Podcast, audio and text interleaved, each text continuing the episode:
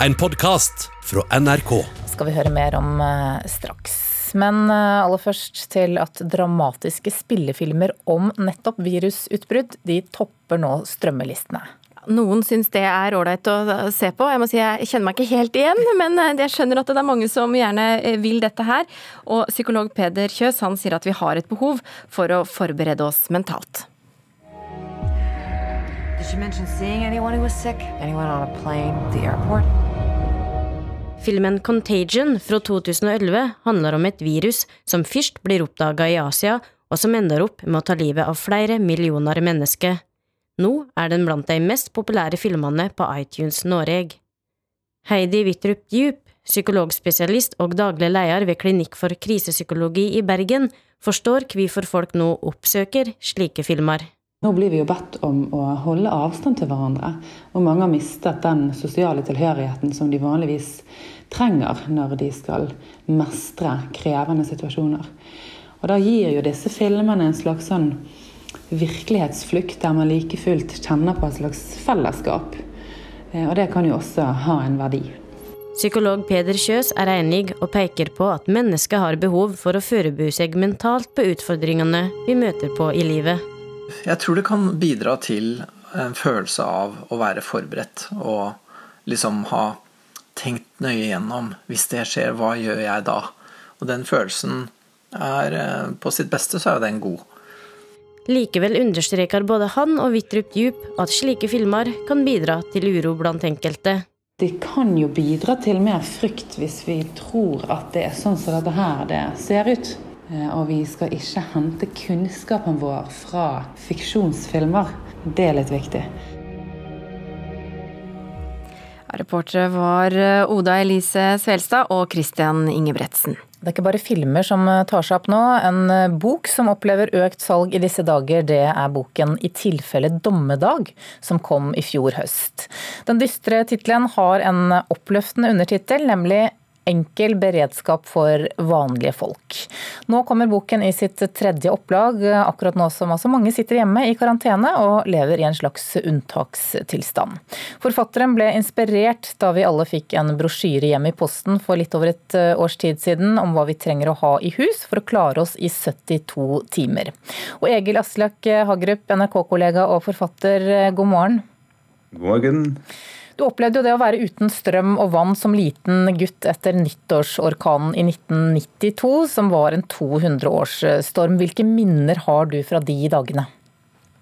Ja, For min del så vi var jo kanskje blant de heldige. Vi hadde ikke noe spesiell beredskap egentlig, eller som vi tenkte over, men vi bodde jo på landet. og selv om vi da var tre døgn uten strøm og vann, så husker jeg det som egentlig veldig koselige dager. fordi vi hadde jo vi satt rundt peisen, vi laga eh, maten på, eh, på ovnen i stua og leste bøker og spilte brettspill. Og det var egentlig en sånn fin, en positiv opplevelse da. eh, Av noe som kunne ha vært kanskje mer traumatisk hvis vi ikke hadde, hadde det vi tenkt. Mm, Men tror du dine barn da får noe av den samme følelsen nå? Ja, eh, nå er de såpass små. da. Minstemann er seks måneder, og hun eldste er snart tre. Men jeg merker jo at hun eldste merker at det er noe annerledes nå. Og jeg tenker jo at det er, det er jo viktig for oss at vi klarer å skape en normal og koselig hverdag. Og at vi kanskje bruker den tida her på å få til ting som er, kan bli fine barndomsminner for henne. da. Er du selv en av dem som blir kalt for preppere, altså en av dem som lar det gå sport i å forberede krisetid? Eh, Nei, det er jeg nok ikke. Eh, Og eh, det var jo litt av det grunnen til at jeg skrev boka også. For jeg så jo at det var et veldig skille mellom det å ha en grunnleggende beredskap, som den norske myndigheter ber oss om, og, og de dommedagsprepperne man gjerne ser på TV fra USA med masse våpen og hermetikk. Og jeg tenker jo den normale beredskapen, som, eh, som egentlig ikke handler om å ha så mye, men handler mye om å ha noen ting og ha, en, ha tenkt gjennom noen grunnleggende scenario den er, jo, den er jo viktig. Og der har vi. Så vi har nok til tre døgn. Og vi har gjort noen ekstra tiltak i hjemmet nå eh, i disse tider. da. Men hva er den viktigste beredskapen vi kan stille opp med da, i, i den situasjonen vi har nå? Jeg tenker Det viktigste er jo egentlig at vi klarer å ta vare på hverandre. Eh, Det ser man jo i forskning, som jeg også gikk inn i, på, i boka. Men det er jo eh, i store kriser så er jo egentlig det at folk eh, står sammen og hjelper hverandre, er, er, rett og slett den viktigste faktoren for at, eh, for at det skal gå bra. Og det, jo, det, handler jo egentlig bare om at man må ta ansvar. Du må ta ansvar for deg sjøl, sånn at du har det du trenger til en til f.eks. hvis du blir sjuk ei uke. da, At du kanskje har litt mat i frysen som du kan varme opp, sånn at du klarer å få i deg næring og ikke mm, trenger ekstra hjelp unødvendig fordi du ikke gjorde noen enkle tiltak på forhånd. Men det handler også om at du tar ansvar for, eh, for, andre. Og det er jo selvfølgelig å unngå å smitte andre, eh, men også at du prøver å hjelpe der du har mulighet. Da. Det er jo, eh, det er jo mange Facebook-grupper nå hvor folk hjelper hverandre og stiller opp med både handling og hundelufting, og samtidig prøver å ivareta hygiene så godt som bare mulig. Og jeg tenker Den typen ting er, er kjempeviktig. Du må, du må, rett og slett bare ta ansvar. Ok, Hvordan å ha det hyggelig nå i den tiden vi er i? I ja, karantene? Det er jo, jeg tenker det å ha det, det, å ha det trivelig er jo en, en, viktig del av beredskapen, det også. Det sa faktisk de beredskapsekspertene jeg snakker med òg. Trivsel gjør, det, gjør, at du har det bedre, og da takler du også uvante situasjoner på en bedre måte. Okay, Så jeg tenker det å, det å lage, noen, lage, noen, gode rutiner og, i hverdagen og sikre at du har noe du kan glede deg til eh, gjennom dagen, det er en eh, viktig del av, eh, av, det å komme seg gjennom det her. Ok, Takk skal du ha, Egil Aslak Hagerup, NRK-kollega og forfatter. Det er jo mange som bruker da tida på å se film. Den nye Netflix-filmen Lost Girls, regissert av Liz Garbus, har vært en av strømmetjenestens mest sette de siste dagene.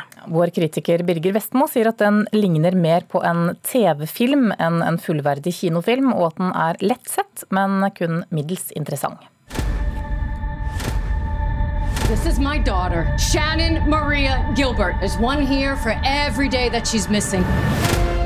Lost Girls er en mørk og vond historie fra virkeligheten, med få lyspunkter. Det er det heller ikke noen grunn til at den skulle ha, all den tid det handler om en ung forsvunnet kvinne som trolig er myrda. Dessverre skjemmes filmen av tynne personkarakteristikker og enkle situasjonsbeskrivelser. Den vil heller være true crime enn å utforske potensielt spennende relasjoner, og undertittelen An Unsolved American Mystery legger opp til en skuffelse, sjøl om den er delvis misvisende. What was she doing in a gated community, 100 miles away from home in the middle of the night? My daughter didn't run away. She's missing. Mary Gilbert, spilt av Amy Ryan, tar affære når hennes 24 år gamle datter Shannon forsvinner i 2010, uten at verken politiet eller media bryr seg. Ved en tilfeldighet blir likene av fire prostituerte funnet begravd i nærheten av der Shannon sist ble observert, på Long Island utafor New York. Mistanken vekkes om at en seriemorder er løs, men Mary får problemer med å overbevise politisjefen Dormer, spilt av Gabriel Byrne, om at det er en mulig sammenheng mellom likfunnet og datteras forsvinning. Her last contact with anyone was to 911. What happened? I'm just a driver. I wait in my car, that's all I do. Honestly, who spends this much time looking for a missing hooker? Lost Girls er kompetent filma, har brukbart skuespill og omhandler et viktig og ofte oversett tema, nemlig samfunnets lukkede øyne når det gjelder vold og drap som rammer sexarbeidere. Dessverre mangler den finessen og fortellergleden til å engasjere skikkelig. Man får følelsen av at utvalget av informasjon som deles ut er selektivt. Hvem som gjorde hva, når og hvorfor blir fortalt med breie strøk, uten et særlig detaljorientert fokus. While searching for a missing girl, one of our officers located four bodies. Tell me right now, damn it, what did you find? Filmens beste kvalitet er Amy Ryans innsats i hovedrollen. Hun skildrer Mary som en sammensatt person, men det kun har blitt mer interessant med et sterkere fokus på den anstrengte stemninga mellom Mary og politisjefen Dormer, det betente forholdet til hennes to yngste døtre, og dynamikken i ei støttegruppe for de etterlatte. Lost Girls ligner mer på en TV-film enn en fullverdig kinofilm, og bærer preg av å være denne ukas krimgåte. Den er lettsett, men kun middels interessant. It's not your daughter, Mrs. Gilbert, which is why it's important that you don't talk to the media. Terningkast 3. Det var vår kritiker Birger Vestmo som hadde sett Lost Girls, som altså vises på Netflix. Nå til litteraturens eh, verden. Den eh, finske forfatteren eh, Sofi Oksanen har sopt med seg det meste av priser, inkludert Nordisk råds litteraturpris, etter at hun debuterte på tidlig da på 2000-tallet. Bøkene hennes er oversatt til flere enn 40 språk, og hun har fått særlig ros for hvordan hun fletter da sammen storpolitikk og enkeltskjebner i skjæringspunktet mellom det tidligere Sovjetunionen og Vesten. Litteraturkritiker her i NRK, Marta Norheim, du var svært begeistret for de første bøkene hennes, men eh, de to siste har du gitt temmelig hard eh, medfart i anmeldelsene dine. Hva med den nye romanen som altså bærer tittelen 'Hundeparken', og du har med deg her i studio også. Eh, er du klar for et nytt slakt?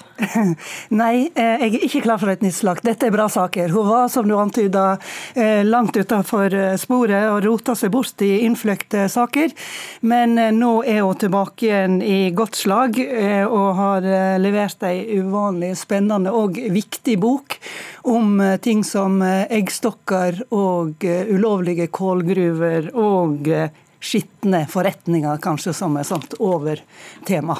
Og handlingen, da, hvor, hvor finner vi den? Ja, Den er altså i, i nåtida, 2000-tallet, i Ukraina. i i Donetsk-provinsen i øst. Ingen fredelig plass på jord, men, eh, men, også en plass med lite reguleringer og lite rettsvesen som passer på tingene. Så der går det an å bli rik i en fei, hvis en da ikke mister livet på veien til rikdommen.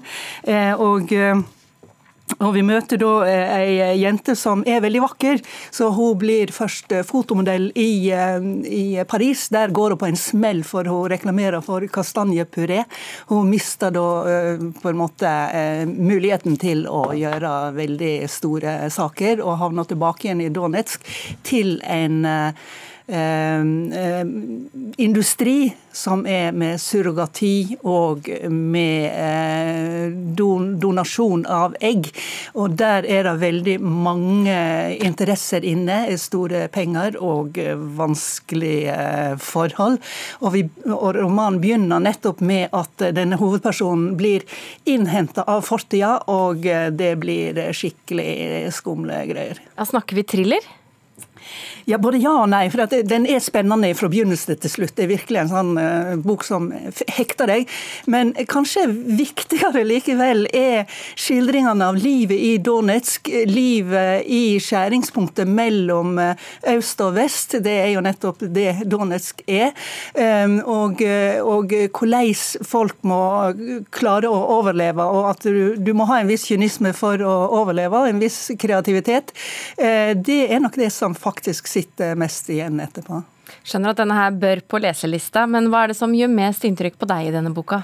Det er nettopp det at du får en roman som er så innafor i et område du bare kjenner utenfra. Altså Du kjenner denne, her, denne eh, provinsen, folkerepublikken Donetsk, som noe i nyhetene. Her er du på innsida av det. Du er også på innsida av et samfunn der, eh, der du er nødt til å, å kjempe for å overleve, der du er nødt til å holde kjeft om temmelig mye for at eh, du ikke skal havne feil ut. Og det er jo kanskje ikke så bra i nære relasjoner, f.eks. Og så har du jo dette her med surrogati og eggdonasjon, som jo er en sterk utnytting av kvinner i dette området. da. Og romanen 'Hundeparken' av Sofi Oksanen er altså oversatt eh, fra finsk eh, av Turi Farbregd. Og det blir mer om denne romanen og andre bøker i Åpen bok på P2 søndag klokka åtte. Takk skal du ha. Du har hørt en podkast fra NRK.